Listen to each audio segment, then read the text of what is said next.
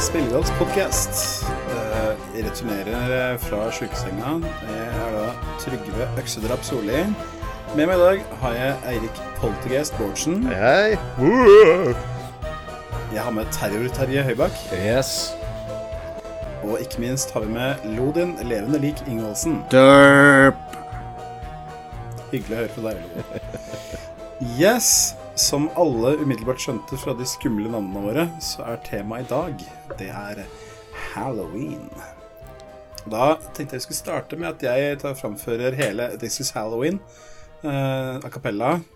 Uh, med hvor jeg etterligner stemmene til uh, Nei, jeg skal ikke gjøre det. Men uh, jeg kan spoile det at temaet i dag faktisk er skumle spill. Så hvis ikke du har en kopp med kamomillete foran deg, så foreslår jeg at du gjør noe med det. Men før vi kommer så langt, skal vi se litt om uh, hva vi har spilt siden sist. Og da har jeg tenkt å begynne med Terje, som har uh, lagt mye tid i sitt uh, utkårede spill denne måneden. Ja, jeg gravde litt i et gammelt spill fra 1990 som heter Solstice. Som kom ut på ja. Nintendo, den originale Nintendo-konsollen. Stemmer, stemmer. Yes. Eh, for det er eh, det å ha med det lille prosjektet jeg har gående med Tim Follin og musikken hans. At jeg driver og går gjennom eh, hele biblioteket hans av spillmusikk og sjekker ut spillene som hører til. Og det her er et spill jeg aldri hadde spilt før. Men jeg tror det er relativt kjent egentlig av, i Nintendo-klubben. Kan det stemme? Uh, det jeg husker da jeg var liten, var at det var uh reklamer for det i Nintendo-magasinet. Ja. Jeg spilte det ikke da, for at uh, jeg bodde på bygda, men uh, jeg visste at det fantes, i hvert fall. Jeg har sett coveret ganske mange i sånne blader. Så ja, det er, det er et kjent spill, sånn sett. Ja. ja, det er det jeg har inntrykk av. Og uh, Spillsjangeren i seg sjøl kjenner jeg jo veldig godt. Det er jo sånne isometriske puzzle-plattformer som var en veldig kjent sjanger på de gamle datamaskinene. Så Særlig ZX Spektrum var kjent for de der. Det ligner og, veldig på et PlayStation 4-spill jeg har spilt, ser jeg. Der var det jo en sånn liten uh, trollmann som hoppet rundt i sånn isometrisk, men jeg husker ikke hva det heter. Ja, det kan godt hende. Ja. Det spillet har jeg på PC. Um, ja, jeg husker heller ikke hva det heter. Nei, det var, fikk veldig er, eh, flashback til det. Det må jo være inspirert av dette. Ikke sant? Det, ja, det, det var laga av en av de gutta som lagde en av de ZX Spectrum-spillene for mange år siden. Som ville kjøre, kjøre liten revival. Ja, nemlig. Jeg vet ikke om det, hvor bra det gikk, ja, men uh... det er nettopp det. Altså, dette her var jo Software Creations i, fra England som har holdt på De starta jo karrieren sin med, med Spektrum-spill rett og slett. Så de var, eh, om ikke de laga så veldig mange av de isometriske spillene der sjøl, så var de nok veldig godt kjent med dem, for de var kjempepopulære. Og spill som Nightlaw og Head Over Heels og Batman, f.eks. Altså, alle de spillene så jo helt like ut. De hadde ja, fordi... akkurat den samme grafikken, og så når de kom på andre plattformer, så så de ræva ut. Vel, for det, uh, Den store hemmeligheten er at alle disse spillene er ganske like. Ja. På alle, alle mulige måter. Uh, men ja, de ble jo selvfølgelig Disse gamle spillene ble porta til Commodore 64 og alt sånt, men Nintendo fikk liksom ikke den sjangeren der, så når uh, Jo, men det kom, det kom, ganske mange av dem, som Solstice kom på SNES. De, men de så dritt ja. ut på de plattformene. det, det, det, kom flere etter hvert, ja, men Solstice var det første av, av den typen oh. spill som, som, kom på Nes. Mm. Og det var greia, da. Bare, bare skyte inn det kjapt at det spillet som Eirik og jeg snakka om i stad, det heter Lumo. Ja, nå husker jeg det. Riktig. Ja, yes. det stemmer. Skal vi se. Ja, for uh, Software Creations, det her var faktisk det første originale spillet de laga. De hadde levd av bare porte andre sine spill uh, i de seks-syv åra de hadde eksistert fram til da. Så når de da først skulle lage sitt eget originale spill, så fant de bare en sjanger som ikke hadde eksistert på Nintendo enda, og kopierte og lagde den. Så, fryktelig originalt er ikke det her heller. Men uh, det er ve veldig enkelt, ja. Isometrisk sånn single screen-spill hvor du hopper rundt på, eller går rundt på plattformer og løser puzzles. For kamera rundt omkring. Det er, det er, det er ganske stort. Det er over 250 skjermer i det. Mm. Og det er også noe av problemet, da. For det, det er ikke nok puzzles til å holde det interessant. Det blir jæsklig mye repetering av eh, puzzles. Og igjen, hvis du har spilt noen av de spillene her før, så er jo alle puzzlene repetisjoner av puzzles du har sett før.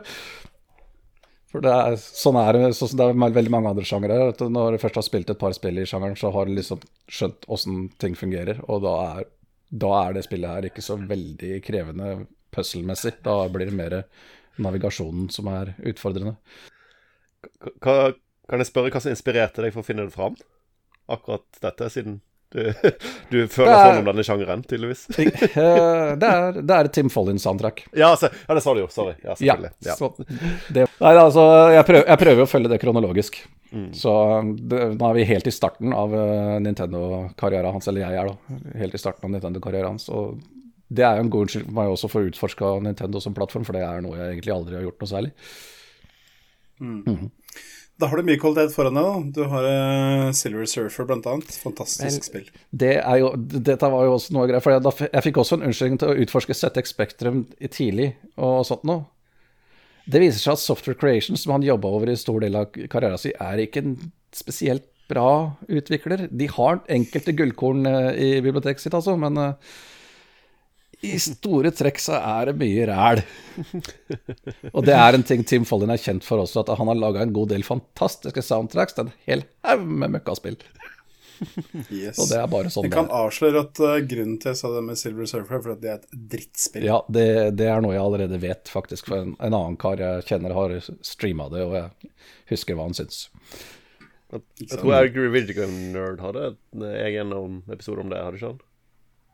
Jo da, og da blir han sikkert veldig, veldig sint for han dør med en gang. Ja, selvfølgelig. Det gjør ja.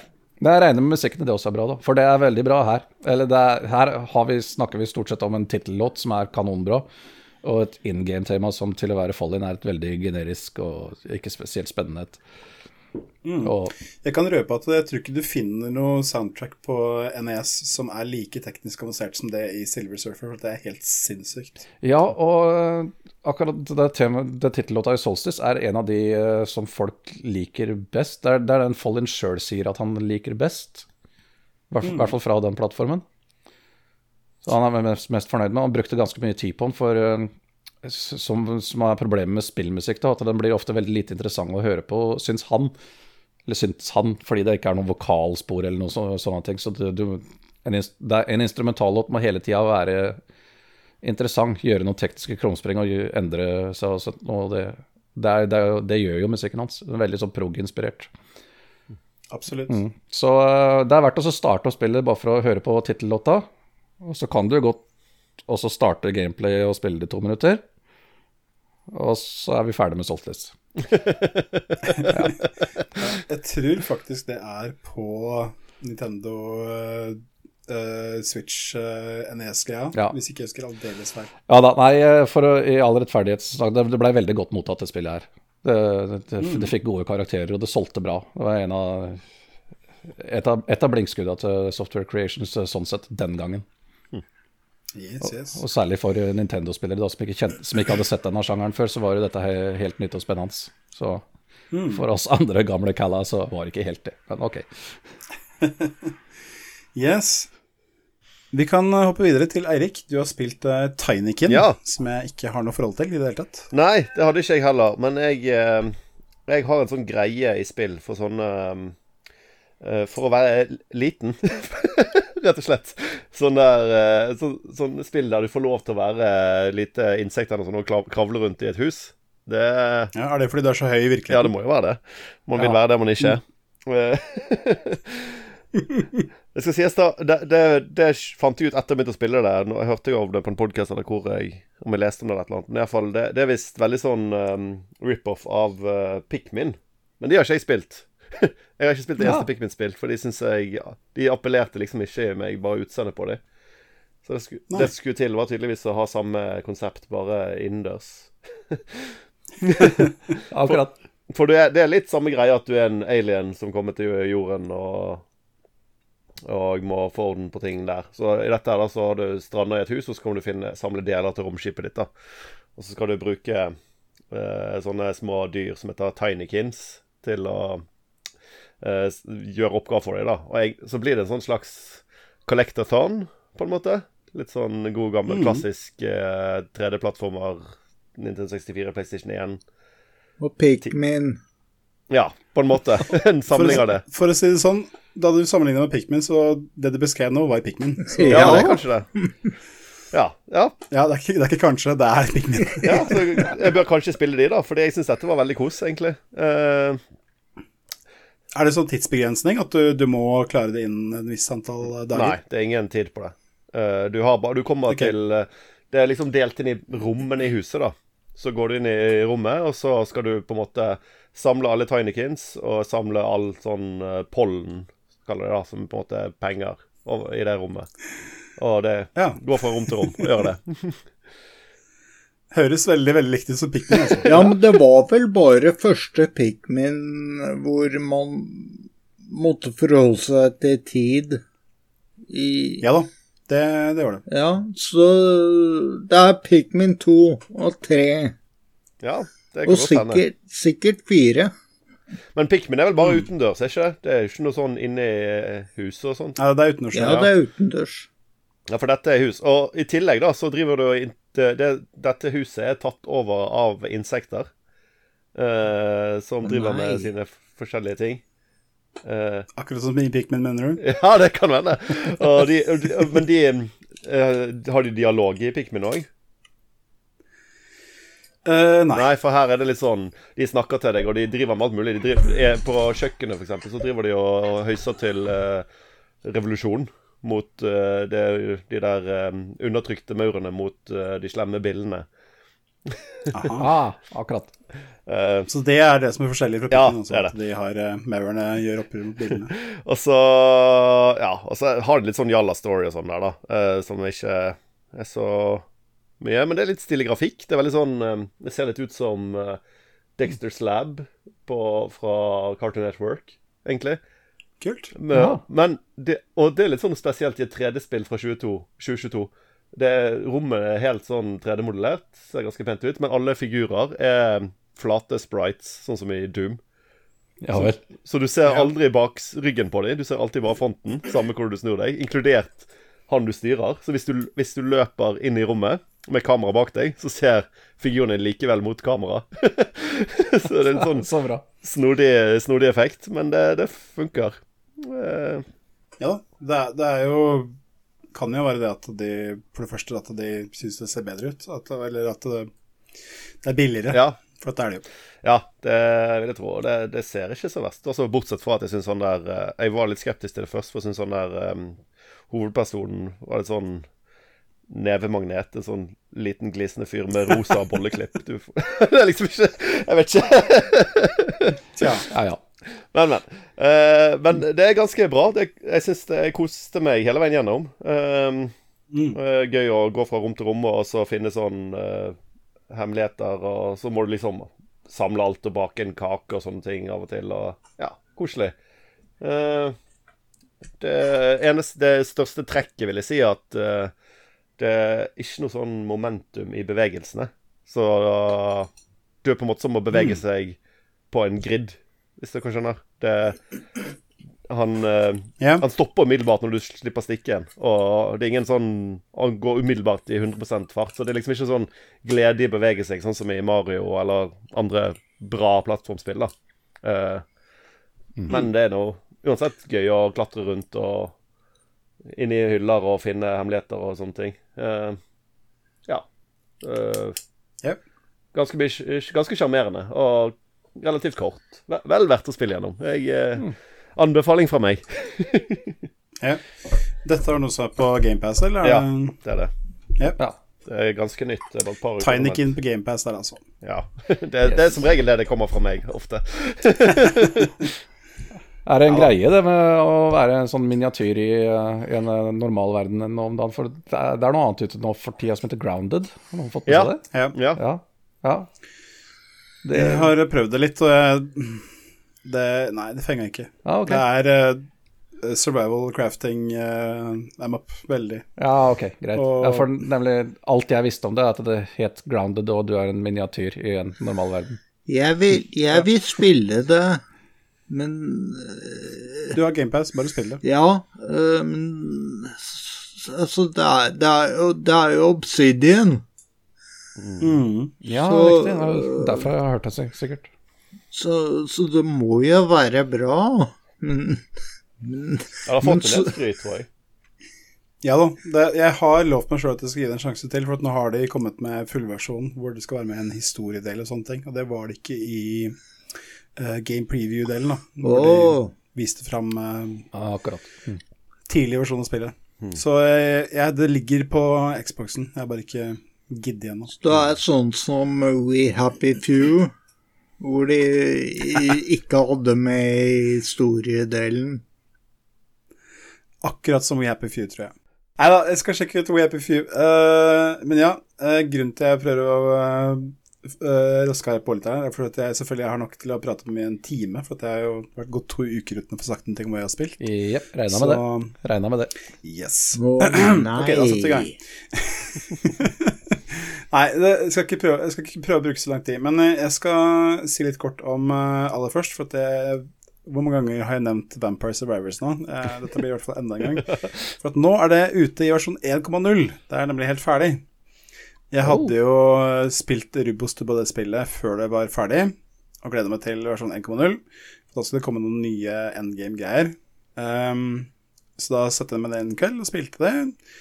To runder, så det låste opp alt igjen. Ja, Um, akkurat. ikke dermed sagt at det er dårlig. Det er eh, fortsatt jævlig moro, og det er eh, en kul um, ting de har lagt til på slutten der. eh, med et par Er det, er det Jimmy Steff Sterling som Det er, én kult? som er lagt til. Er det sant? Det er, eh, det, det er Jay Stephanie er med og har skrevet skrevet law for absolutt alle monstre i spillet.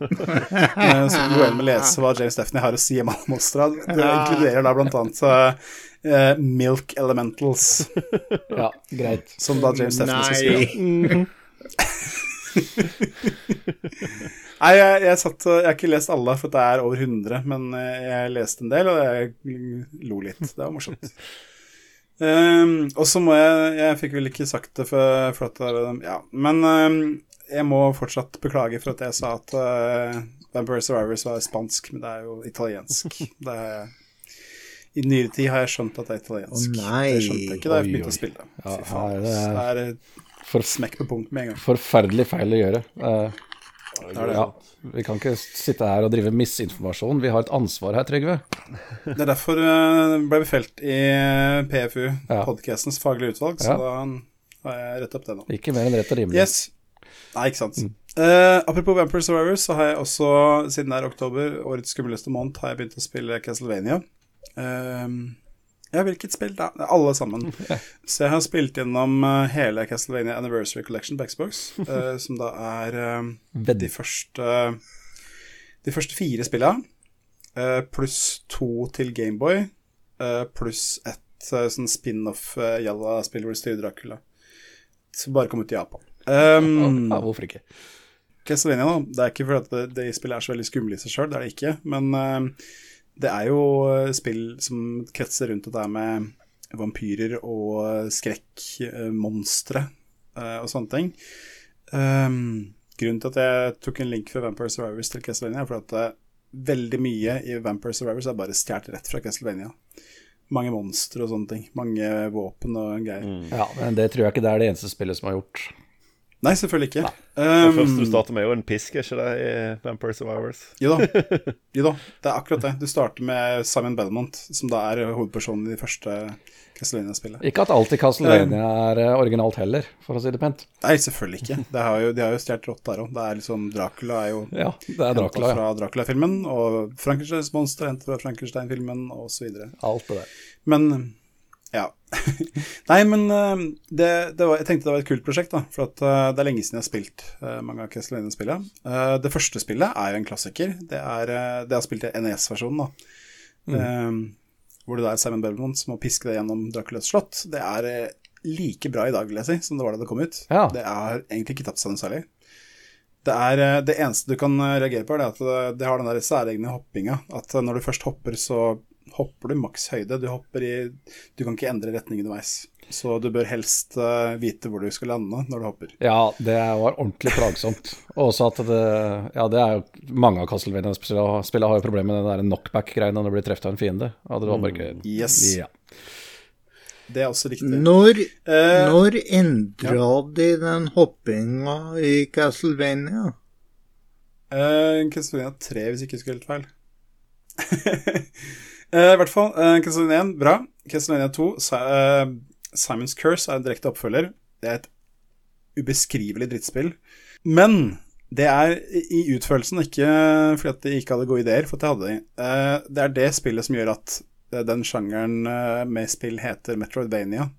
Fordi at eh, de, Metroid kom jo året før, hvor du da skulle, du da skulle leite deg gjennom en digert, eh, et digert område uten noe særlig hjelp, og finne masse ting og komme deg videre. Og det er samme greia i Simons Quest, bare at um, um, Der får du hjelp, bare at den hjelpa er uh, løgn. Du får beskjed om at eh, ja, ferjemannen, han liker hvitløk. Så du går til ferjemannen, gir en hvitløk, og det skjer ikke en dritt, for at det er, det er helt feil. Du skal gjøre noe helt annet. Og så, ja. ja. Sånn er det gjennom hele spillet. Fint. Og så skal du inn i noen mansions og finne deler av Dracula, så skal du gjenopplive han. Mhm, Og så skal du drepe han, da. Uh, og så hvis du bruker for lang tid, sånn in game-tid, da, så får du dårligere slutt. Det er sånn Det som er litt paradoksalt, er at eh, å komme seg gjennom spillet er dritvanskelig. For er, du vet ikke hvor du skal gå, og det er mange harde fiender. Og så må du være smart på hvor du skal grinde for å levele opp, da, sånn at du kan ta fiendene lettere. Men bossene er pissa enkle. Det er sånn, Dracula kan du drepe på under ti sekunder. Og det er liksom okay. Men likevel, da, hvis du har brukt for lang tid, så får du beskjed ah, nei, Simon han uh, slåss og drepte Dracula, men han ble så hardt skada at han daua. Takk. Ja, fint. Ja. Herlig. Så da er vi over på uh, Castlevania 3. uh, som heter noe Drit i hva det heter. Det er i hvert fall jævlig bra. Det er uh, eh, ikke like mye Metrovania. Det har gått litt bak, eh, tilbake på den formelen, men eh, du kan utforske mange forskjellige veier gjennom spillet. Og så kan du finne forskjellige hjelpere. Eh, blant annet en eh, sjørøver som av en eller annen grunn er akrobat. En eh, magiker som det, litt, det, veksler litt om det er en han eller hun, da, men på slutten så blir du i hvert fall kjæreste med vedkommende hvis du velger den, da, og da antar jeg det er ei dame.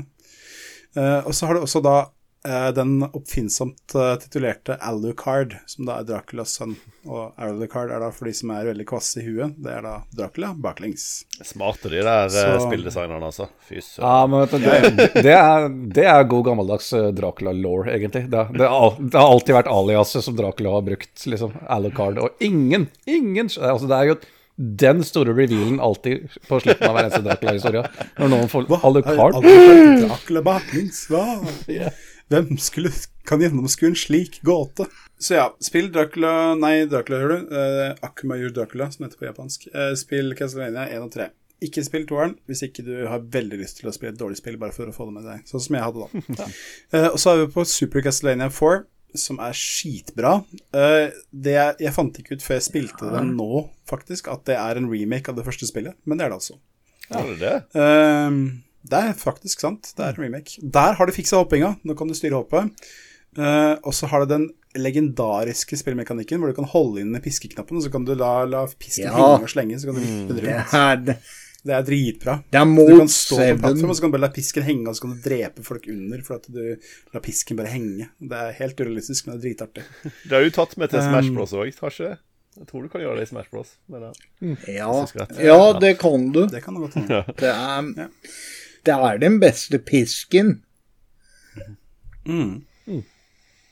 Det er det. Og så um, Og det spillet er fantastisk. Det er skikkelig bra musikk, veldig bra grafikk. Og det var et av de første spillene som kom på Super Nintendo, men det ser konge ut en dag i dag. Uh, spill det. Det er dritbra. Uh, og så kan du se på de to Gameboy-spillene som du følger med i Castlevania uh, Anniversary, Anniversary Collection. Og så kan du se på det, så kan du tenke at hm, disse virker ganske dårlige, og så kan du bare vite at du har rett, for at de er ganske dårlige. Ja, det første Gameboy-spillet er helt krise. Det er virkelig fullstendig ræva. Eh, det andre er litt bedre, men det er ikke på nivå med de NES-spillene i det hele tatt. Uh, også det der japanske Dracula-spillet kan reise til helvete. Det var bare møkk. og så hadde de sensurert det, for at i, i den japanske originalen så er førstebossen det er en uh, trollmann. Og da har da disse kloke japanske hodene funnet at uh, trollmann, haha, da bruker vi en Ku Klux Klan Wizard som mal, så han har hakekors i panna og sånn klandrakt på seg. Det har de tatt til kakekorset i den. Uh, yes. Og så, etter at man har spilt disse her, da, så kan man gå videre på uh, siste spillet i pakka, som heter Castlevania Bloodlines. Det kom til uh, Megadrive, eller Genesis, da. Altså ikke et Nintendo-spill lenger. Men um, det hadde jeg spilt lite grann, og så Det er mange år siden, da. Så tenkte jeg det var egentlig ikke så veldig bra. Spilte jeg den nå, og jeg ga den en ordentlig sjanse, og fant ut at jeg må ha vært i dårlig form eller sånn da jeg spilte sist. For det er faen meg bra, altså. Det er skikkelig kult. Det er rett og slett et, en skikkelig banger med masse bra set pieces. Det er ganske langt. Det er mange kule baner, og så er det Har liksom um, masse fete bosser. Masse kule uh, fiender du skal drepe. Uh, og så er det en veldig unik gimmick som ikke har blitt brukt i noen andre Castlevania sånn grunnspill. Da. Det er det at du reiser rundt i Europa og eh, besøker forskjellige byer. Da. Så du er liksom i Du er i eh, Pisa, faktisk. Du skal opp i det skjeve tårnet. Da. Spoiler, det, kommer, det, de raser sammen når du skal klatre opp. Da. Så da så det er eh, masse sånne kule set pieces. Det er vel verdt å spille. Hmm. Så hvis du er litt interessert i Castlevania, eller bare liker kule plattform actionspill, så anbefales Castlevania Anniversary Collection hmm. til uh, PlayStation 4, Xbox og PC. Hmm. Ja, og sikkert Ja, og Switch. Yes. Ikke dumt. Okay, okay. Altså, man kan plukke, må, må plukke, velge litt med omhu hvilke spill man er innom i den collectionen. Du, du, finner det fort ut sjøl, altså. Er, hvis du begynner på Castlevania Adventure til Gameboy, så skjønner du fort hvor det bærer hen. Altså, det er virkelig ikke bra. Jeg biter meg merke at det, det, er jo ikke alle Castlevaniaene fortsatt eh, der. Altså, du har jo ikke Amiga-versjonen og sånt nå. Nei, Nei heldigvis ikke. Nei. Det er enda godt. Nei, for det de tenkte at det skulle, det skulle de spare oss for. ikke greit. Commodore 64-versjonen. Nei, den, den, også. Den fant ut at de skulle spare oss for. Ja, jeg tror den går i samme kategori som et par av de andre du nevnte der. ja, den er, det, jeg har ikke spilt den, men jeg har sett footage, og det er, det er krise, altså. Ja, det er det. Men vi er ennå ikke ferdig med Castlevania. Vi, for jeg gikk videre på uh, en PSP-utgivelse. Eh, jeg er en av de gærningene som fortsatt har en PSP som funker, og en PlayStation Vita, så jeg spilte på Vita. Det er um, en remake av det som heter uh, Castlevania Rondo of Blood i Japan, og som heter Castlevania Dracula X i USA. Men uh, Dracula X til Super Nintendo, det er en veldig kutta ned og veldig mye dårligere utgave av Rondo of Blood. Så når spillet heter Dracula X Chronicles, så er det faktisk litt misvisende, for det er en remake av Rondo Blood, som er mye bedre og veldig, veldig kult. Ja. Der har du, I PSP-utgaven så har du eh, to karakterer du kan spille med, med litt forskjellige bevegelsessett. Du har eh, masse baner, og det er alt, det er, i hver bane så er det sånn at det er en hemmelig utgang og en hemmelig boss. Og da kommer du til en annen hemmelig bane. Så det er sånn mange veier gjennom spillet.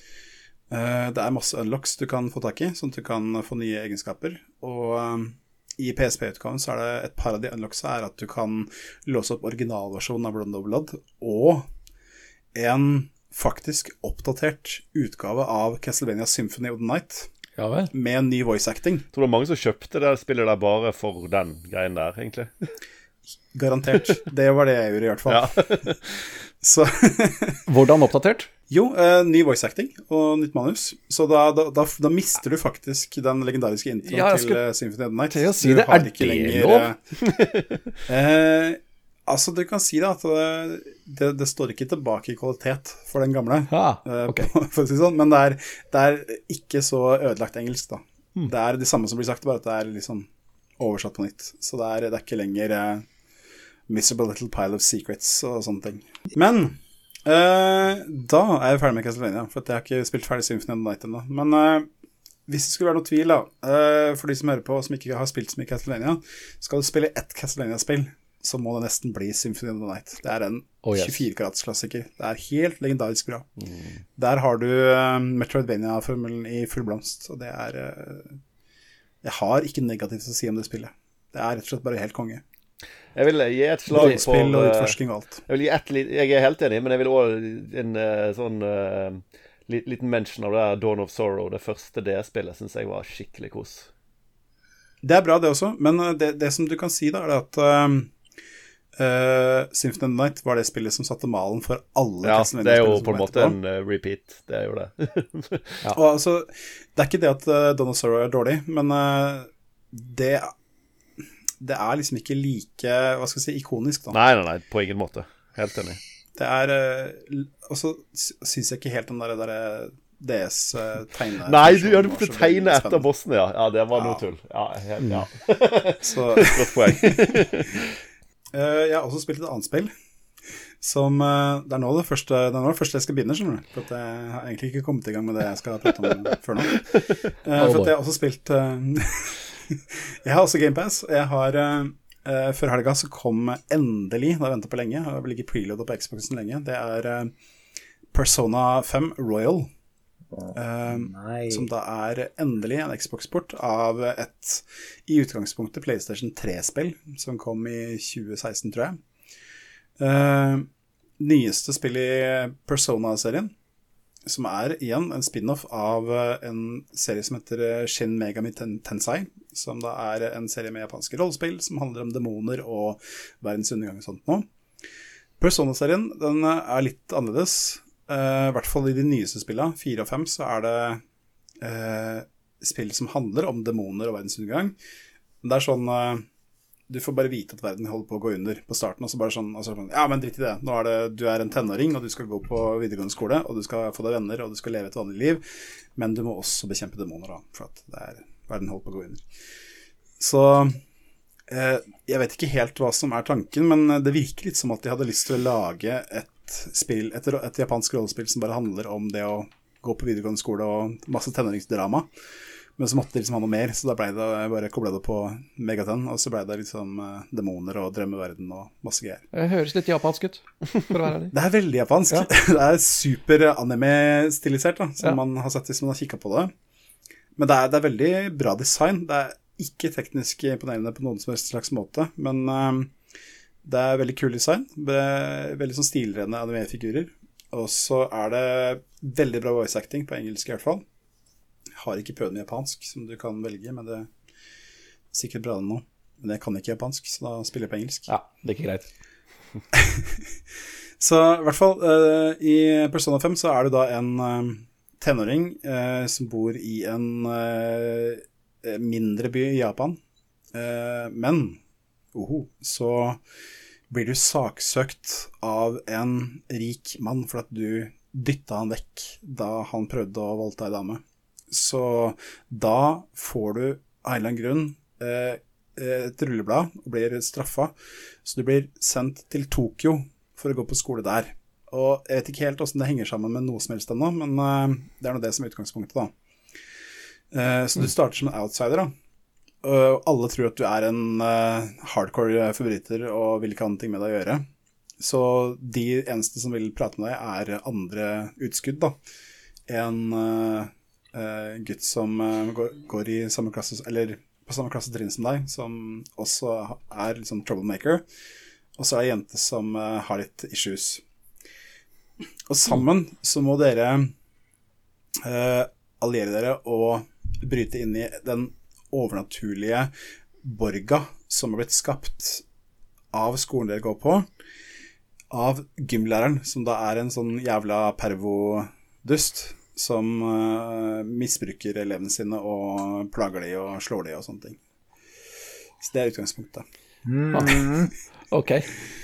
Yes. Og det er, det er et veldig sånn tradisjonelt uh, JRPG. Med, altså, du, du møter monstre, du du stiller deg opp, og så tar man turer og slåss og sånn nå. Ja, ja. Men det er så jævlig mange systemer lagt oppå. Du har, for det første så har du sånn standard sånn uh, Denne fienden er sterk mot det elementet og svak for det elementet. Eh, og så har du i tillegg så har du eh, mekanikker for at når du utnytter de svakhetene, så kan du få bonuser, du kan få en ekstra runde, og så kan du etter hvert få ta, sende den runden videre.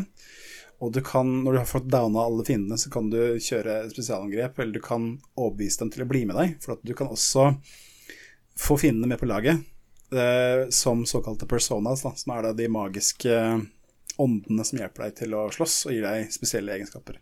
Så det er altså et JRPG blanda med en sånn slice of life-greie.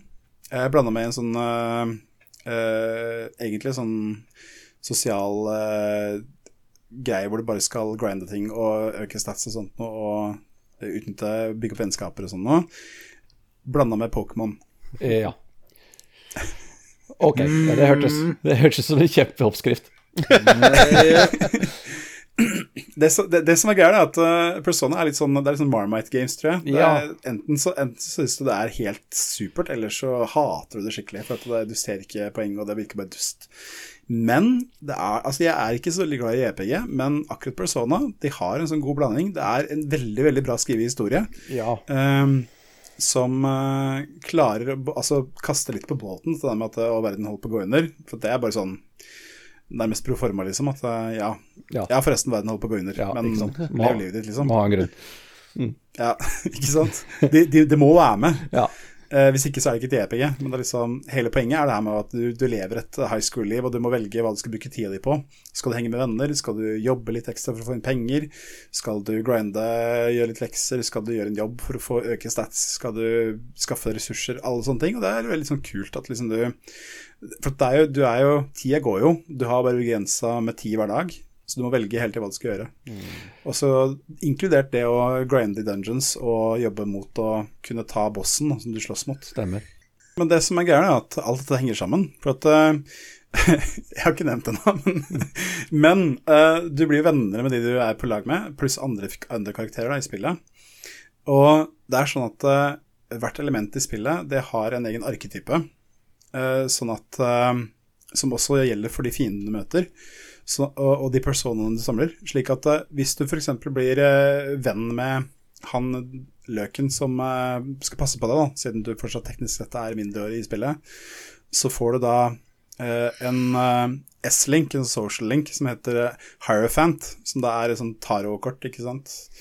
Som da igjen knytter seg til en fiendetype. Sånn at når du da, Ja. etter hvert som du blir bedre venn med han, så når du da samler uh, fan type uh, personas, så blir de sterkere når du skal uh, utvikle dem. Så alle systemene henger sammen på det er, sånn, det, er sånn, det er bare sånn Det passer så godt sammen. Det blir så Når du klarer å se liksom ah, Hvis jeg gjør sånn, så får jeg den bonusen, og da kan jeg gjøre sånn, og så kan jeg gå dit og Det er alle sånne ting. Det, det liker jeg veldig godt. Ja. Det, er, eh, det er egentlig litt irrasjonelt, for at det er et uh, fryktelig grindy spill. Det er Ja. masse historier du må lese, Det og er, det eh, tar time på time på time å spille det, Yes. men jeg blir hekta, altså. det er det som er uh, greia med Persona. at Det er jo, pacing er jo legendarisk treg i de. Det er riktig. Yes. Det er derfor Ja. Eh, jeg, prøvde nå på. Persona 4 lite grann, og jeg, jeg orka ikke. Det gikk altfor tregt for meg. Skjønner, skjønner. Men det, det, er, det er noe av greia for min del, for det, er- det er så super comfy spill. Du bare setter deg ned og slapper av. Bare koser litt til den, liksom. Bare, det er ikke så Tenk ikke stresse. Det er bare, nå skal bare svare riktig på eh, spørsmål til eh, læreren og Ja, for- lage litt kveldsmat og dra inn batting cage, liksom. Ja, for den, for den greien der digget jeg òg. Jeg har vært som Terje innom fireren. Og som Lodin òg, så var jeg litt sånn Jeg, jeg digget det Slice of Life-greiene. Jeg har lyst til å springe rundt og være japansk tenåring, men så måtte jeg inn i den skyggeverdenen i TV-en, eller hva det var. Og det, det, det Jeg vil ikke inn der. Jeg vil være ute og ha det koselig, på en måte.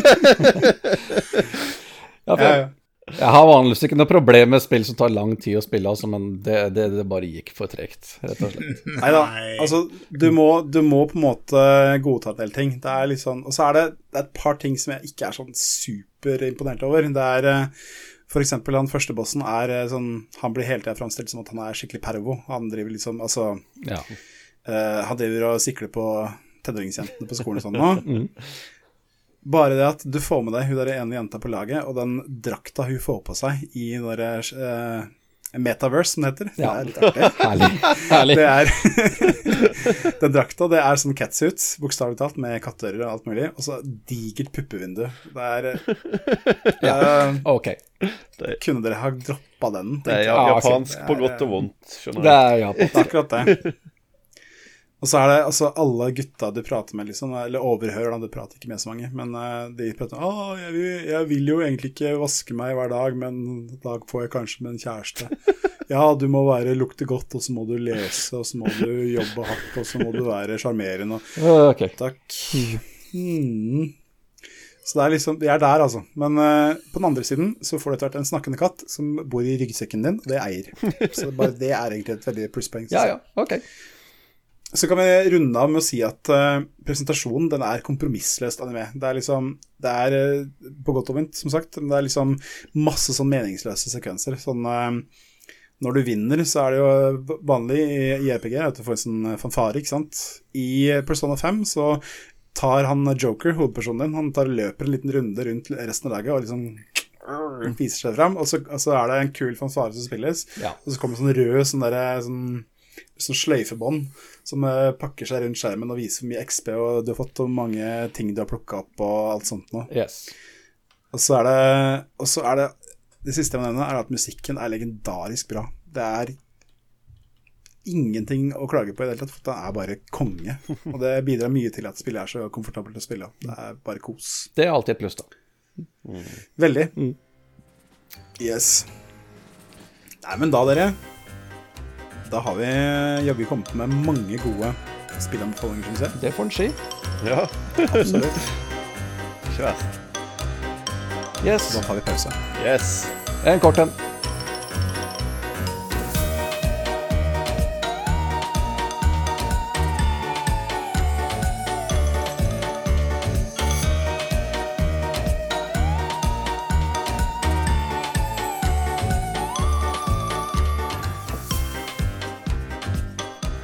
Ja. eh, nå er det sånn at jeg har vært borte i et par uker. eh, men dere har jo styrt skuta med stødige hender eh, mens jeg har vært borte. Det er, jeg har hørt på eh, det dere har gjort i mellomtida. Jeg er veldig imponert. Styr, styrt med hender, i hvert fall. Stødige, det får være Ja, med, med hen, alle har hver sin hånd på roret, og så har man hver sin uh, flaske med hjemmebrent i andre. Så Yep. det blir det ganske Ja, det er metoden. Det er metoden.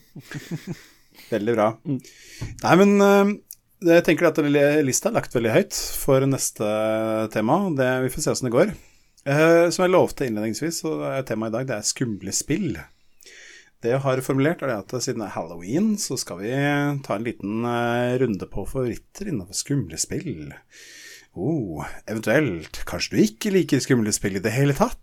Oh, oh. Oi, oi. Eller kanskje du har blitt skremt av et spill som ikke egentlig skulle være skummelt? Oh, Eller kanskje du eh, Ja, kanskje du foretrekker atmosfæriske spill og ikke skumle spill. Det er også lov.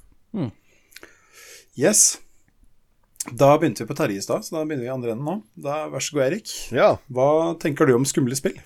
Altså, jeg er jo en stor eh, pingle, eh, egentlig, på spill. Jeg lever meg litt for mye inn i spill, rett og slett, eh, til det.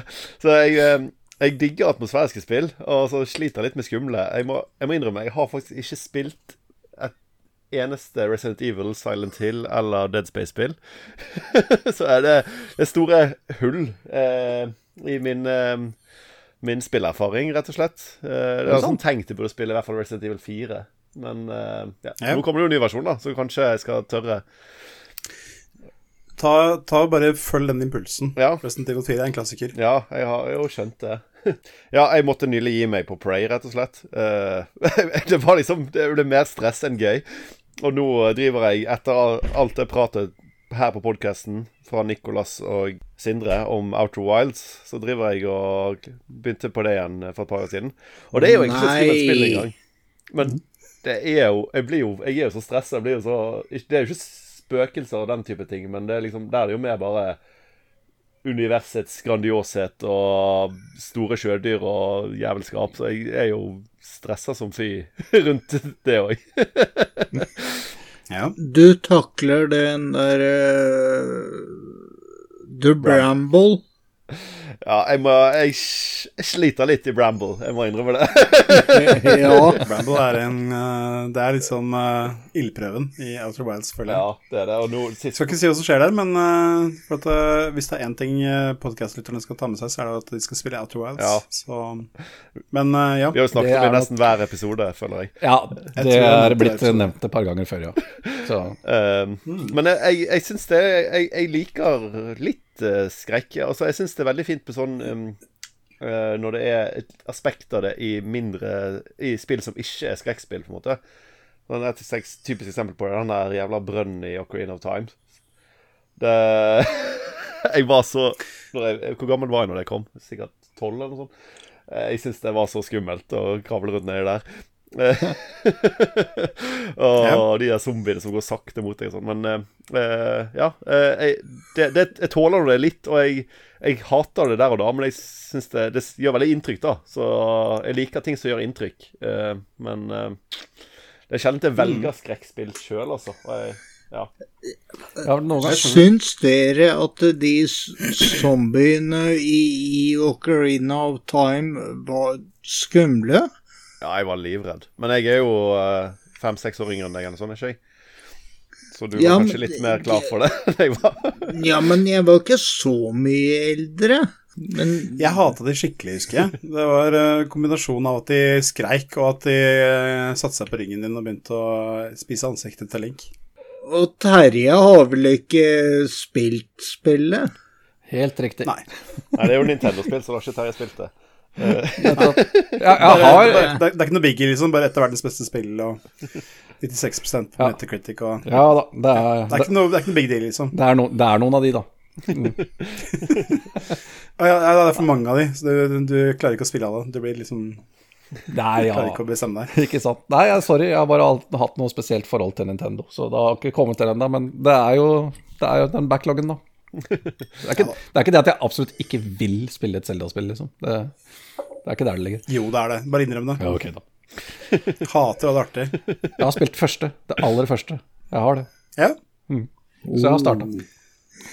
Det ga, det ga det mersmak, egentlig? Eller var det, er, det liksom, er det noe du spilte da du var liten, eller er det noe i nyere tid? Eh, både òg. Ja, det er ganske mange år siden sist nå, men ja, jeg, prøvde det så vidt eh, da jeg var liten. Ja, Men det var på en sånn demostasjon. En sånn der eh, som står i lekebutikken. Okay.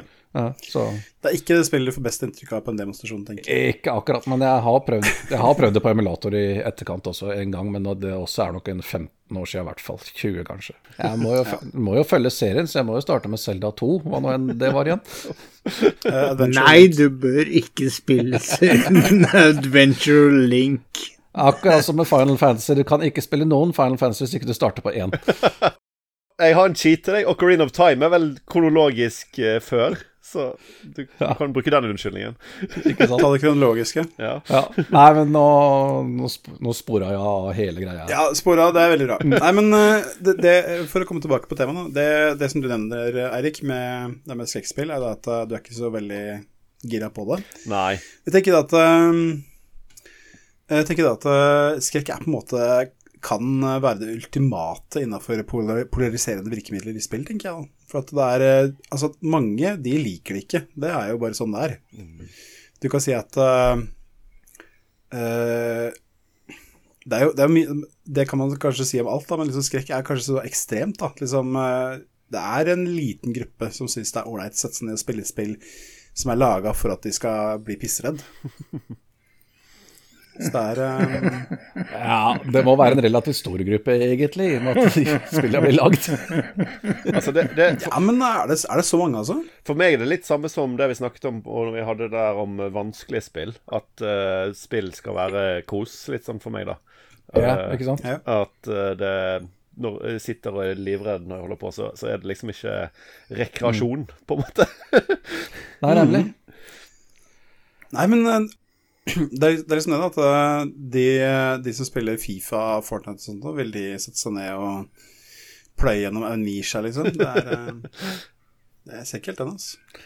Nei. Nei, men det, det, det, det, det, også så er det jo synes jeg det er fascinerende. Det er liksom, altså jeg, jeg liker Jeg kan si det like greit først og sist, at jeg liker skrum- skumlespill. Syns det er artig. Um, kommer litt tilbake til hvorfor, men um, Du har også de som på en måte virker som har det som en sånn challenge. da, At uh, man skal gjøre et poeng ut at man blir kjemperedd, eller et poeng ut at man ikke blir redd, eller sånn, og streamer det. Mm. det altså, tenker på Five, Five Nights at Freddy's ble jo bygd opp rundt det der at det var om å gjøre å reagere mest mulig på alle de skumle jump scares og sånn. Ja, ikke sant. Ikke at det spillet er så veldig verken skummelt eller spesielt bra, altså, det må jeg bare si, men Nei. Nei. Nei, det er ikke bra. Nei. Men um, du, du sa litt om dette her, Erik, med atmosfæriske spill. Det er um, det er, uh, det er kanskje en annen kategori. At, liksom at man, har, uh, man blir liksom grepet av stemningen. Da, ja. At du lever deg inn i det, som du sa. Mm. Um, ja, det, ja. Jeg tenkte litt på litt sånn, sånne ting som um, uh, oh, Det er Vanishing of Vanishing of Ethan Carter? Ja. ja. At det var litt ja. sånn uh, Du blir sånn sugd inn i det, og det er litt sånn halvcreepy og sånne ting. Men uh, ikke, ikke, direkte mm. skummelt, da, på en måte. ja. Det, det, som, det, jeg kan si, da, at, jeg bare for å ta en liten runde på det, er at uh, Eirik, du liker ikke Resident Evil og Dead Space og det der. Jeg syns det altså, jeg, jeg, kult. Jeg har ikke, det skal sies, jeg har ikke prøvd det engang. Så jeg kan ikke si at jeg ikke liker det. Det var, jeg bare åh, det, det, var sjangeren, liksom. Nei, det, jeg vet at det ikke går. ja, ja. Nei, men uh, altså, du kan si at uh, jeg synes det, det, som, det, som, jeg liker godt med skumle spiller, er at uh, når, når, du har et uh, skrekkspill som funker bra, så har du både stemningen og atmosfæren, ikke sant, med at det er, her er det et eller annet gærent. Der kommer noen etter deg, ikke sant. Og så har du mekanikker som støtter opp under det. Altså, Resident Evil er jo Resident Evil fordi at du må sjonglere hvor mange ting du kan ta med deg, mye ammunisjon du skal ha med deg til våpner og sånn Og det er liksom eh, Det syns jeg funker veldig bra i de spillene. For at det, er, det skaper denne spenningen, og det er liksom det Du føler deg skikkelig kul da, når du klarer å knerte zombier eh, til venstre og til høyre, og så finner du det du skal ha, og du klarer å løse noen puzzles og sånn. Det er Det gir en godfølelse, altså. Og så er det liksom eh, altså det, det, det, er jo meninga at de spillene skal være skumle, selvfølgelig, men eh, Hva skal jeg si? Altså, jeg var nok mer pinglete før, men eh, nå har jeg spilt så mange spill at altså Hvis du dør i Resident Evil, du kan bare loade. Ja. Hvis du dør i et skrekkspill som ikke er Resident Evil, så du kan bare loade. Ja. det har ikke noe å si. Det eneste eneste jeg vil trekke fram som er på en måte Som virkelig gjør meg litt sånn skikkelig sånn å, Skikkelig bekymra når det skjer noe skummelt. Det er det sånn spill som uh, Et jeg vil trekke fram som er uh, ikke direkte skummelt. Altså, det ble jo ikke solgt på at det skulle være skummelt, men det er jævla creepy. Det er Eller to spill, da. Det er System Shock-spilla. Hvor du er uh, ja. fanga på en romstasjon. Og i System Shock 1 så er det jo da en legendarisk bad guy, som det er Shodan, den kunstige intelligensen som styrer hele stasjonen, som uh, uh, gjør det veldig tydelig at uh, det, er hun, altså det er hun som styrer hele greia.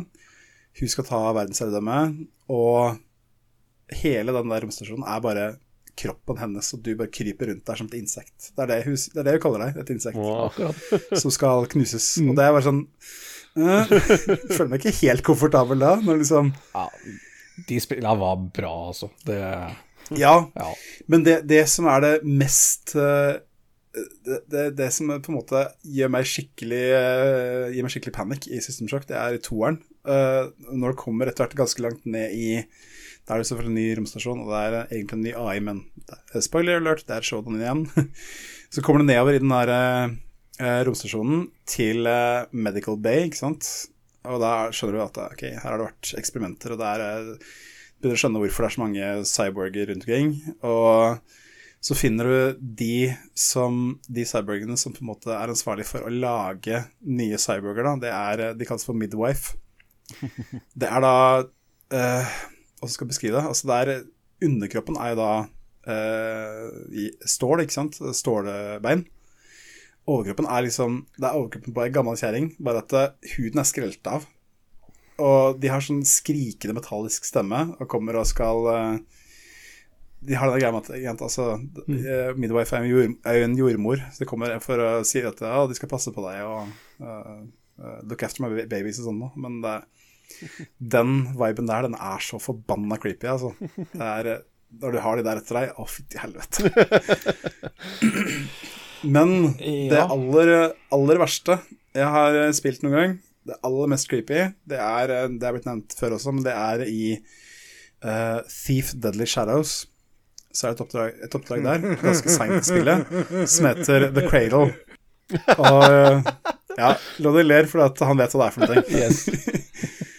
Det er um, det, det er verdt å nevne at uh, Thief Deadly Shadows har et lydarbeid som du nesten ikke finner maken til. Det er helt sensasjonelt bra lydarbeid i det spillet.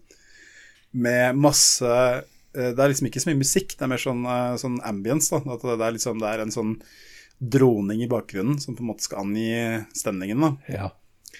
Uh, og så er det sånn at The Cradle i spillet, så er det Du får vite at det, er, at det var et gammelt eh, barnehjem. Uh, og før det så var det et uh, sinnssykehus.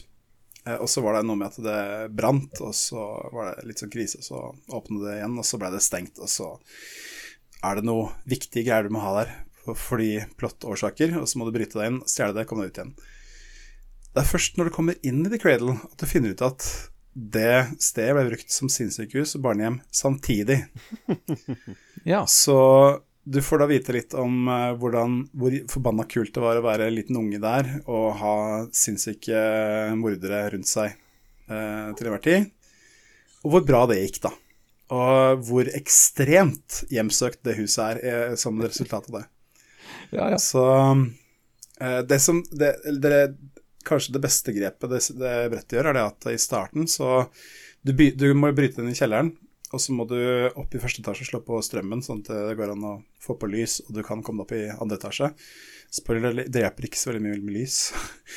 Men uh, hele første delen av- det brettet, er det, der er det ingen fiender i det hele tatt. Det er, det er bare litt sånn småtteri, og så finner du ut noe plottgreier, så skjønner du liksom hvor fucka hele opplegget er. Og så kommer du til andre del. Der er det fiender.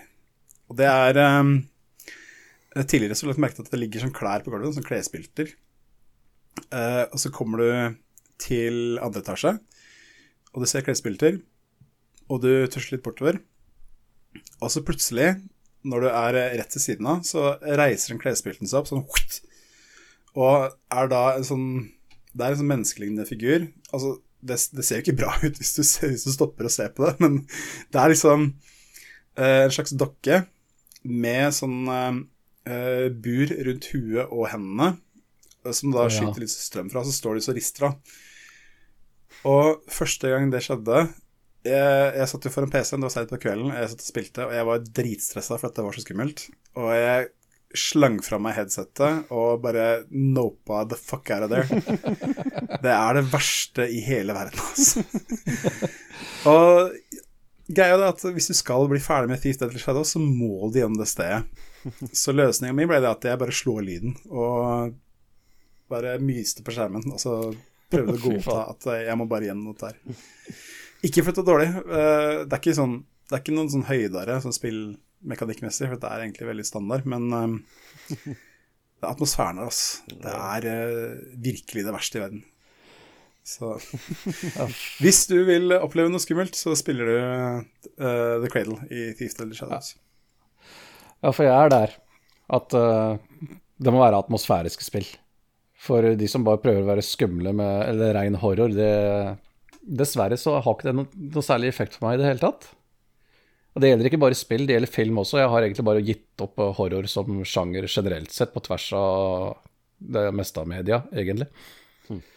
Fordi stort sett når jeg sitter og ser på en horrorfilm, eller, eller spiller et rent sånn horrorspill som, hvor den skumle biten er at det bare er kvalme og disgusting ting som blir slengt i trynet på deg, eh, jeg sitter og gjesper av det, dessverre. Det er ikke jeg prøver, jeg prøver ikke å framstå som noe badass eller, eller noe sånt, det er bare at eh,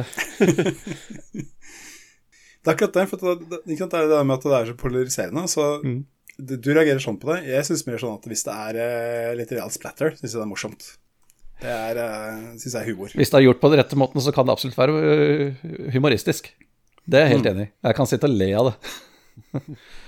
Men, Ja. men, men, jeg, men jeg misunner dere den opplevelsen der eh, egentlig å bli faktisk redd av disse tinga. Det må jeg innrømme. Eh, for selvfølgelig jump scares, hvor et spill eller film eller et eller annet bare hopper ut og sier bø på et eller annet vis, så, så skvetter jeg også. Hvis det kommer ut av det blå og er helt uventa, ja, helt klart. Men det, sånn syns jeg bare er irriterende. For det er, det, er, det er så billig, ikke sant? Det er jo Ja, Det er en sånn jævlig cheap shot. Det, er, det, kan du si, men, eh, men det, det, det, som, det som gjør at jumpscares funker i akkurat eh, The Thief, da, eller i Thief 3, som jeg nevnte i stad, er at eh, de fiendene er jævla creepy, men de er også dritvanskelige å ta, ta rotta på. Du får liksom ikke drept dem ordentlig. Og altså, hvis man har spilt Thief, så veit at eh, han eh, Gareth hovedpersonen er ikke sånn superrå i slåssing. Noen spill Så- eh, gjør jumpscares jump scares veldig bra. Men det er da de som er også er de mer, mer atmosfæriske spillene som har greid å suge deg inn i atmosfæren og gjøre deg litt sånn utilpass. Og så er det mm. og så bruker de bare jump scares én eller to ganger i hele spillet. Det er den ene gangen liksom som du driter på deg veggimellom, og så var det det. For eh, i hele Silent Hill så er nok også det Vel, det er et sett av to stykker, to jumpscares, som skjer der, egentlig. Men det er også den eneste gangen i hele Silent Hill-spillet, hvis jeg ikke tar helt feil.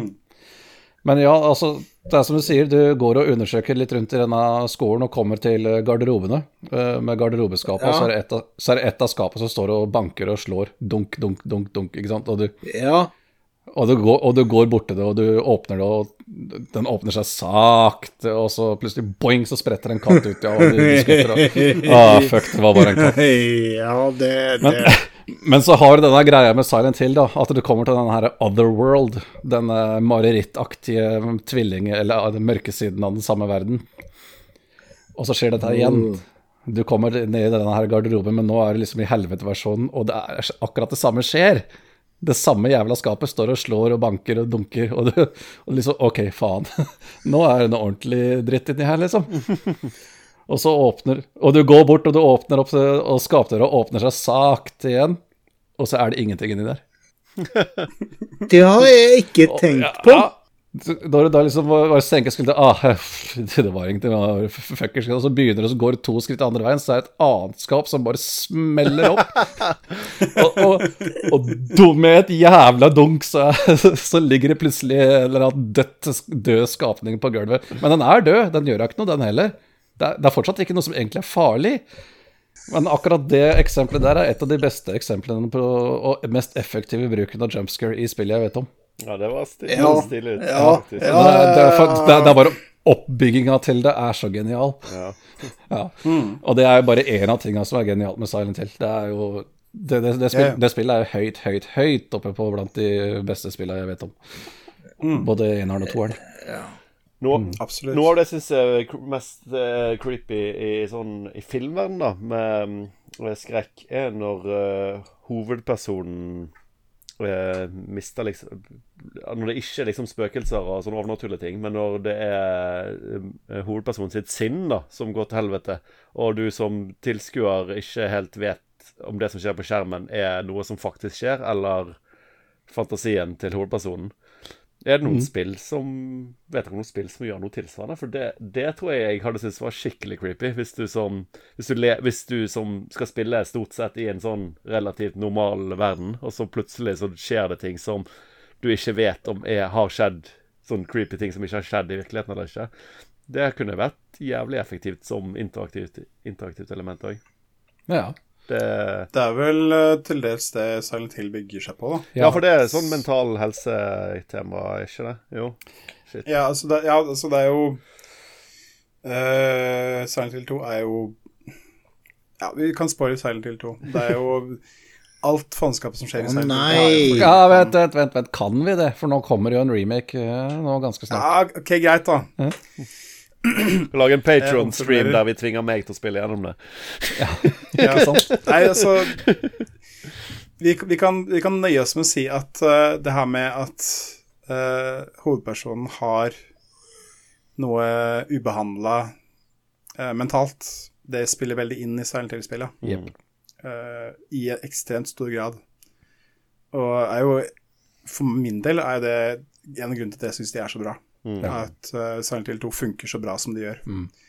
For det er ikke sånn det er, skal, Det er kanskje ikke noe spesielt hot take, men altså Silent Hill 2 er ikke sånn superspennende å spille, sånn mekanisk sett. Men uh, hele atmosfæren, settingen og historien er så dritbra. De, så det er ikke så farlig. De gjør noen veldig gode grep. altså Det er tydelig at de som har laga det, de har studert eller kan dette her med å lage en, en, god stemning. For F.eks. ved at de begrenser syns, synslengden din konstant. Mm. Altså Absolutt. Eh, ved at eh, på dagen så er jo er byen innhylla i tett tåke, du ser aldri mer enn to-tre meter foran deg.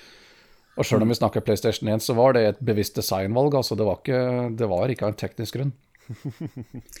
eh, jo, det var en teknisk grunn òg. ja, det, det, det, var det også. Eller det var en, eh, et, eh, et heldig heldig uhell, kan du si. Ja. ja.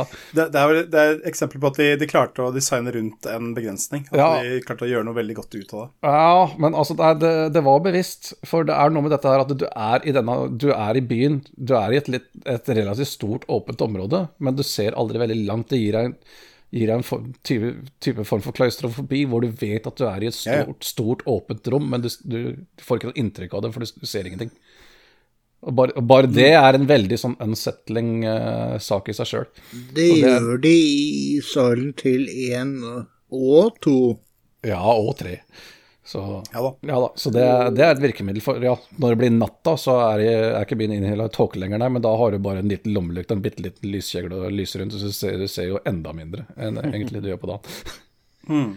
Så, ja. så det er definitivt et, et, et, et bevisst valg. Mm. Og det fungerer. Ja, ja. ja. Mm krangler ikke på det, altså. Men mm. uh, nå er vi inne på virkemidler. Uh, et virkemiddel som på en måte er veldig sterkt for min del, det er det her med uh, lemlesting, som heter på norsk. Altså at man lemmer blir kappa av. Ja. og jeg tenker på um, et bra eksempel, syns jeg er Dead Space. Yep. For der, altså de, de Der har de virkelig gått all in på det, med at Stakkars uh, Isaac, som heter den hovedpersonen, han uh, mister huet, armer, bein, alt mulig rart, egentlig, i løpet av det spillet. Hvis du ikke klarer å ta monstrene. Det gjør man jo av og til ikke. Mm, stemmer. Uh, og så klarer de også det, det, funker så bra, for at du har både det, men også det at, for at det skaper jo veldig sånn Jeg vil helst slippe å se hovedpersonen bli uh, Får huet sitt skjært av, liksom. Det helst ikke det. Men også det at du det er det du skal gjøre mot finnene. Du skal jo skjære det i huet og armer og bein og alt mulig. Det er den mest effektive måten å drepe dem på. Jeg syns det, det, er et så vanvittig bra designvalg i det spillet at um, det, det, altså det, det, gjør mye av det spillet for min del. Altså. Ja. Den, eh, den, skrekken er så kobla med, med, liksom med hovedmekanikken. En eneste kan kritisere det for det er at det er bare rett og slett ikke nok forskjellige monstre og måter å ta dem på. Det, blir nesten litt rep repetitivt i lengda. Det kan Men, du si. Mm. Ja, i hvert, hvert fall for min del, da, som da ikke, ikke får, får, dette skrekkelementet ut av det. For Dead Space er et, et av de spillene jeg liker, for å, bare for å ha sagt det med en gang. Det også mm. er ekstremt atmosfærisk pga. fantastisk lydarbeid. Men mm. uh, ja, det, selve den delen med å ta knekken på de monstrene du møter på veien, det er liksom bare eh, Ja, OK, et, enda et monster. Å, ett til. Ja vel. Det, ja, det, det jeg syns på en måte er uh, litt uh, Litt sånn leit med Dead Space, er at det ramler litt i den fella med at uh, du havner i en situasjon kan gjøre, hvor du på en måte har Du har klart deg akkurat så vidt i et par kamper, ikke sant? Og så har du skrapt deg gjennom, og du har litt ammo igjen. Ja. Og så har du committa, for at du har liksom gått inn en gang, og du har kommet deg videre, og så har du lagra. Og så kommer det et rom hvor det er fem-seks fiender, og det er bare sånn det går bare ikke an å ta de på en effektiv måte uten å bare uh, savescumme og prøve igjen og igjen og igjen helt til du har dritflaks og klarer det. Det, mm. det, er det eneste jeg vil ta det spillet på. Men det har så mange bra sekvenser at det, det er klassiker uansett. Jeg kan ikke huske at jeg hadde det problemet. Faktisk så mener jeg at Kanskje det er dårlig i spillet. ja, mulig. Er nok antageligvis det. Nei, men faktisk så mener jeg at det er en del av designet i det at de våpna du har equippa, det er også de du finner ammo til. Ja, ja. ja. Det er det jo. Ikke sant? Det, det husker jeg, det, det, er jo en achievement i det spillet. Å bare spille hele spillet med den der første plasmakutteren du finner, og ikke bruke noen andre våpen enn det. Yes. Og, og, hvis du ikke equipper noen ting annet, så finner du også bare ammo til den. Og du vil, al du vil alltid ha et lass med ammo til den, med andre ord. Det er faktisk ikke vanskelig engang å spille gjennom spillet på den måten. Nei da, det, det- er, eh, det er nok bare jeg som dårlig spiller. Nei, men det er faktisk det er, Men det er faktisk vanskeligere å spille spillet ved også være mer eh, Ved å faktisk utforske og bruke alle våpnene, for da, da vil du vil aldri ha mye ammo til noen av de på den måten. Så, et så det, du, kan- du kan game det systemet der litt grann med bare ha ett eller to våpen du equippa hele tida, for da vil du hele tida ha mye ammo i de. Så, Yes. så spoiler der for de som skal spille det. Tenk på at det kommer en remake av Dead Space eh, til neste år. Jeg gleder meg litt, sjøl om jeg Ja, har spilt det det- før. Det gjør jeg også, faktisk. For ja, Dead Space er et av spillene jeg har spilt gjennom flere ganger, og det er såpass lenge siden nå at jeg ikke vil gjerne spille gjennom det enda en gang. Nå. Mm. Ja, det vil jeg si. Og bare så sagt, eh, Dead Space har spillegal stamp of approval. Det er et kongespill. Ja. Det også, Som har, er- det også gjør en en veldig effektiv eh, jump scare halvveis uti der, forresten. Eh, Mm. Også et av de spillene som bare gjør det én gang, og er ferdig med det. og det funker så bare faen. Jeg vet ikke om vi skal spoile det. Hvis det Nei, jeg ikke det. Nei. Ta så Kos dere med Dead Space når det kommer til eh, neste år, hvis dere ikke har gjort det før. Mm. Men uh, bare for å bygge, trekke enda litt videre på det her med sånn lemlesting. Um, et eksempel som uh, jeg syns er litt sånn uh, Resident Evil 7, da. Som nå er noen år gammelt. Så for å spoile starten på Resident Evil 7, da, så ender de opp etter prologen så ender de opp i det her eh, huset til disse gærningene. Og um, ganske tidlig så blir du angrepet, og så eh, i den til da minst ålreite sekvensen jeg har sett i noe spill, så skal du forsvare deg i første person ved å holde hendene opp mot en angriper, skal ikke spørre hvem det er, Okay. med motorsag. Ja. Så du, du får altså da gleden av å se rett foran øynene dine, for å se hånda di blir skåret av med motorsag. I hvert fall, poenget er at jeg bare ah, fy faen, dette er noe av det verste jeg har vært med på. Og så skal jeg spille videre, og så går da spillet videre til at uh, du våkner opp, og så finner du hånda di slengt ved siden av deg, og så får du en sånn flaske med noe guffe, som du, og så setter da Du setter bare hånda på igjen og heller over den guffa, og så sitter hånda fast igjen. Helt fin. Det er liksom eh, Den dissonansen der, altså. Det, det gjorde at jeg bare quitta det spillet med en gang. Jeg tenkte faen, nå tuller er dette her. Det er liksom Du går fra det et skikkelig intens scene som gjør meg veldig lysten til å spille mer, og så er det bare Monty Python-greier etterpå. Liksom. Ja. Nå skal det De sies at det Ødelegger jo hele effekten. at- ja, så det, akkurat, for meg, akkurat for meg der og da så gjorde det det. Ja. Men eh, det er litt fordi at eh, det her med lemlesting er så sterkt for meg. Så liksom jeg reagerte veldig på det, og så tenkte jeg dette er kult, nå gleder jeg meg til å se hvor de går videre. Og så var det bare sånn uh, humorgreie etterpå, liksom. Det, Men um, det skal sies at jeg spilte eh, Resident Evil 8 etterpå. Uh, hvor uh, du spiller samme hovedperson, og det kommer litt tydeligere fram hvorfor det er sånn. Og tenker jeg, greit, da kan jeg gå med på det. Så jeg har tenkt å gå tilbake til Resident Evil 7 og spille det mer. For at det, jeg skjønner jo at det er et bra spill. Ja, du har fått veldig Det er, um, skryt. Ja. Ja. ja. Og, eh, ja. Åtteren syns jeg også var helt konge. Det, dessverre så er det litt veldig frontloada. alt det bra kommer i første og andre akt, liksom. Og så er det ikke så bra på slutten. Men uh, eh, vel, verdt, vel verdt å få med seg. Og det er et Ja. spill som virkelig nailer det der med god atmosfære og bra horror, liksom. Masse forskjellige monstre og masse kule encounters. Masse bra i det hele tatt. ja, for eh, Resident Evil har ikke jeg noe godt forhold til i det hele tatt, igjen. Uff da. Nei. Og her har jeg en veldig upopulær take for eh, de to Resident Evil-spillene jeg har spilt. Det er det første og det fjerde. Nei. Nei, altså fordi uh, begge, både eneren og fireren, er uh, spill jeg ikke spilte igjennom fordi jeg gikk lei. Det var kjedelig. Jeg slo av og fant på noe annet. Ja. Og det vet, vet jeg er en veldig upopulær mening for, om Resident 4, i hvert fall Resident Evil 4. Men det er hva det er. altså Og, da, da, og dermed har jeg ikke eh, Nei, jeg har liksom ikke jeg, jeg liksom ser for meg at Resident Evil er jo en serie, så de prøver liksom å treffe den, den samme det samme biten hver gang, ikke sant? Og hvis ikke jeg traff Det vil jeg vel kanskje diskutere litt med deg, men ja, nei, nei, altså det, det, er sikkert, det, det stemmer sikkert ikke, det er bare noe sånn det, sånn det er oppi hodet mitt. Og når jeg liksom synes, Jeg hadde ikke så veldig sansen for eneren, jeg hadde ikke så veldig sansen for fireren, så har jeg liksom tenkt at vet du hva, da er det bare ikke en serie for meg. Resident. Evil 4 er et veldig bra spill. Ja, de aller, aller fleste sier det, og jeg respekterer det, men, men jeg, jeg syns det var kjedelig. Det må være lov å være uenig. Ja.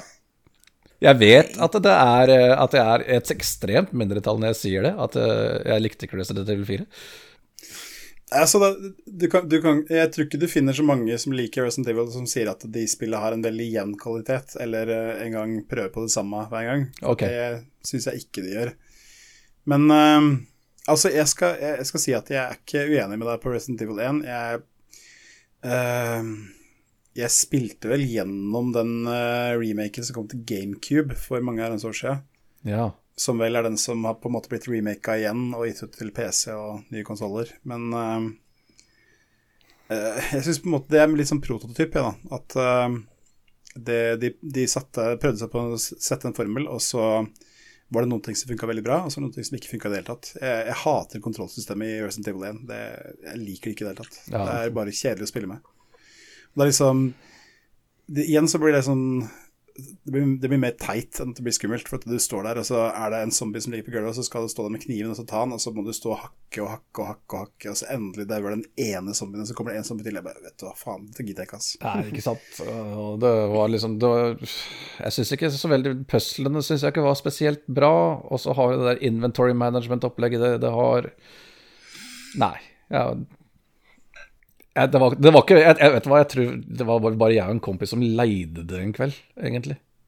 Ja. Og Så vi spilte liksom de tre-fire timene den, den, kvelden sammen. Og, mm. og det, det, er de. Altså, Resident Evil er jo veldig kan jo være veldig polariserende, tenker jeg. da. Det er liksom Noen syns det er konge. Eh, noen syns vel Altså, du nevnte det med inventory management. Altså Eh, på den ene sida så er ikke jeg noe veldig glad i å drive med det, jeg heller, men det er liksom Det tilfører spenning da, til formelen. Og jeg, i hvert fall i de nyere spillene syns jeg det funker kjempebra. Ja, ja det, er sikkert bedre, At, det er sikkert mye bedre designa i de seinere spillene i serien. Helt sikkert. Det er egentlig helt likt. ok, greit. det er bare at uh, du kan jo oppgradere hvor mye du kan ta med deg, og så videre. Ja. Så Ja, ja. Ja, ja. Nei, men det, det, er ikke, det, det, det, er ikke det. Det er ikke for alle. Men um, en ting som jeg også vil bare nevne, det er det at uh, Det var jo noen år siden, det er vel ja, det er over ti år siden, tror jeg. Så kom jo Amnesia fra Fictional Games. Uh, de hadde lagd noen uh, litt mindre populære horrorspill før. Uh, men Amnesia var på en måte gjennombruddet deres. da At de ja det spillet ble jo veldig populært. Med god grunn, for det er veldig bra designa. Hvilke var de er, første? Ja, hva var det de het igjen, da? Uh, jeg, har, jeg, husker rett og slett ikke hva det het for noe, men det er, eh, det er samme gameplay som Amnesia. Altså at du sos gjennom et forlatt sted, og så må du bruke klikke og dra musa for å åpne ting og sånn. Men at det, det, foregår i Om det er på Sydpolen, eller i hvert fall i noen arktiske strøk, sånn at du må passe for kulda. Ja, det er en arktisk det... base, og så er de seinere spilla på gammelt, forlatt slott. Ja. Men I hvert fall um, Amnesia, det er litt sånn um, det, som, det, som, er litt uh, Det jeg vil uh, si om de spiller, er at uh, jeg likte Amnesia veldig godt. Likte Machine for Pigs veldig godt, som er en av oppfølgerne. Det er ikke lagd av Frictional, men det er samme serien. Og så likte jeg Soma veldig godt, som var det de lagde etterpå. Eh, men jeg syns det funker veldig bra med de monstrene og den, det gameplayet de har i Amnesia.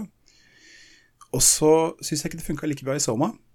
Eh, det er litt fordi at eh, uh, Soma hadde mye bedre designa plott og liksom historie rundt hele. Og uh, var veldig sånn Eh, hadde, gjorde en veldig, veldig, veldig god jobb med verdensbygginga. Så jeg elska historien i Soma. Syns det var helt kanonbra.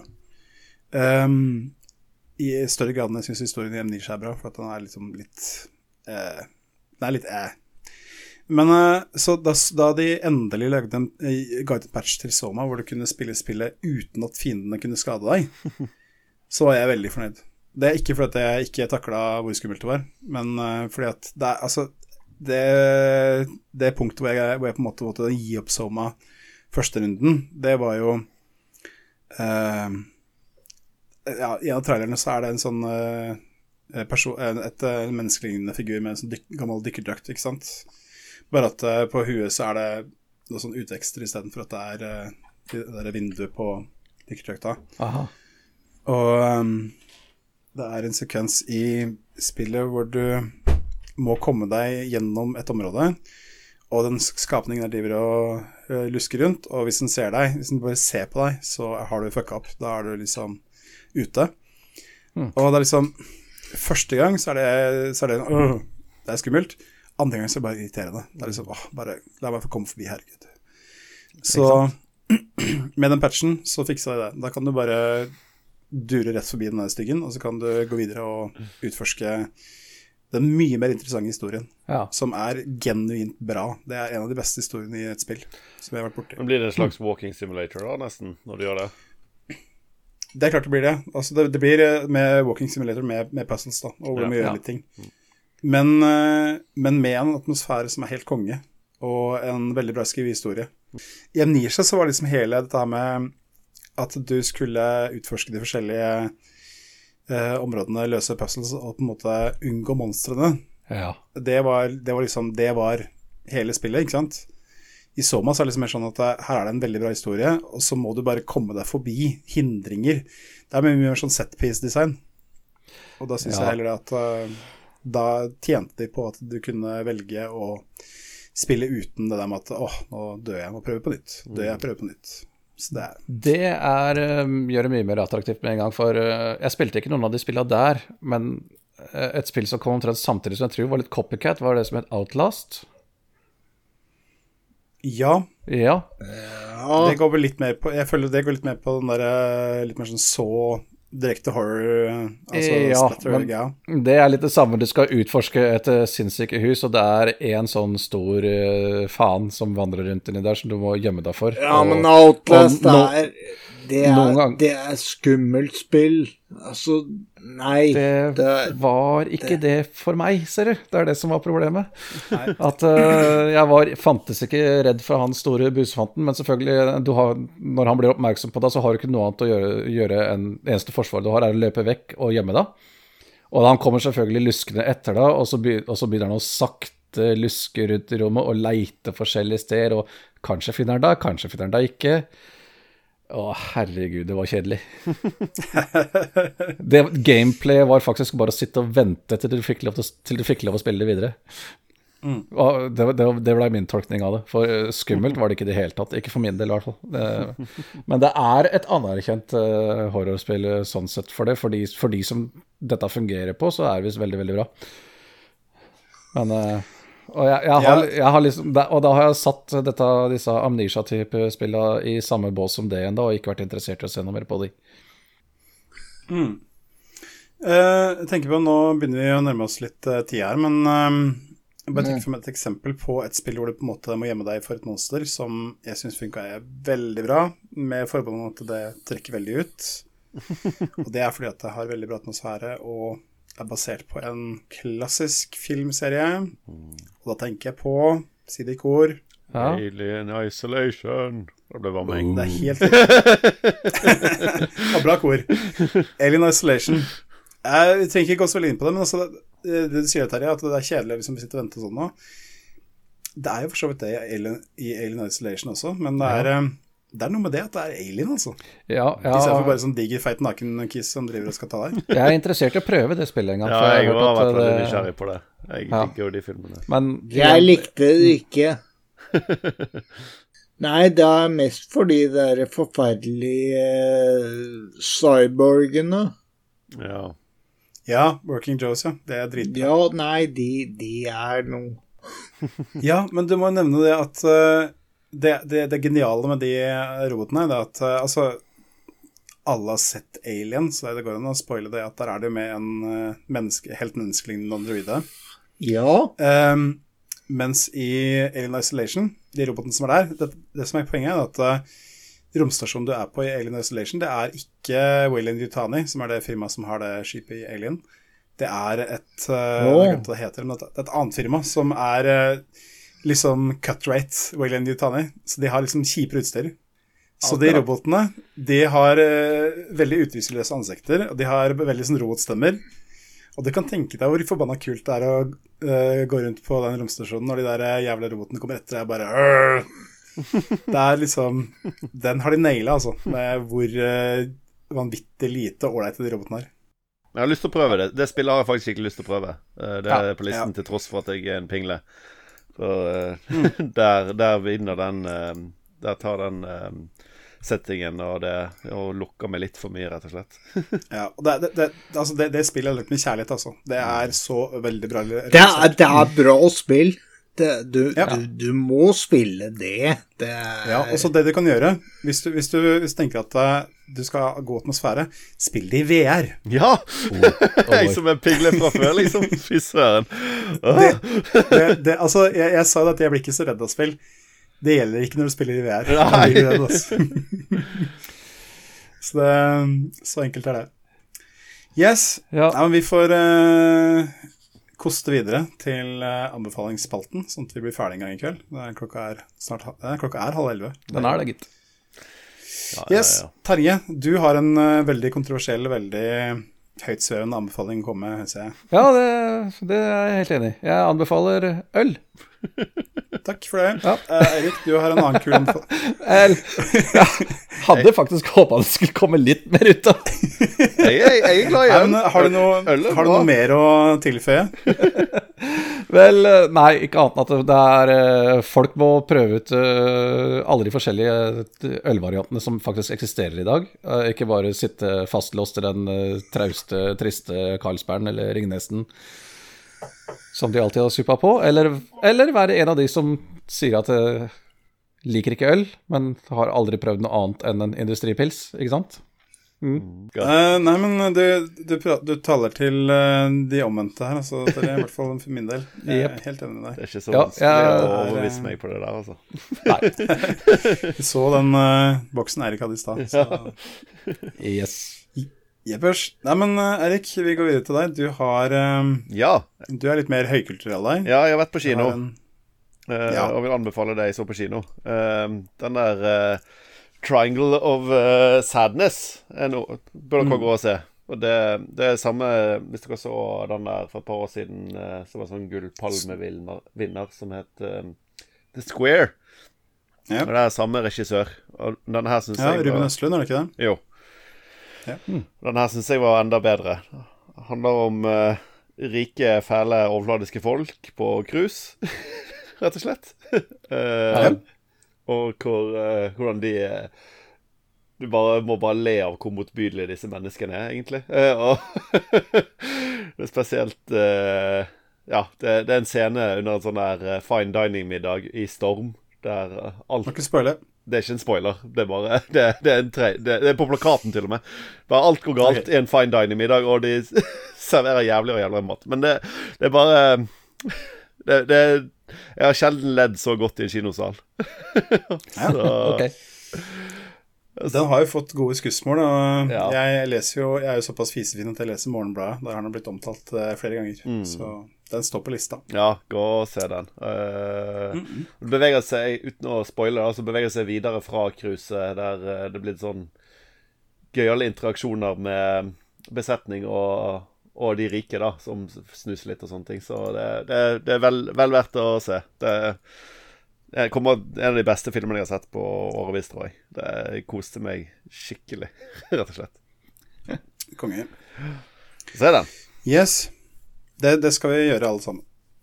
Uh, jeg har en uh, anbefaling helt til slutt. Uh, det er det at vår kjære venn Schutten på Gordon, han forlangte at Nei, han forventa, var det vel, at Skumlepål ble nevnt.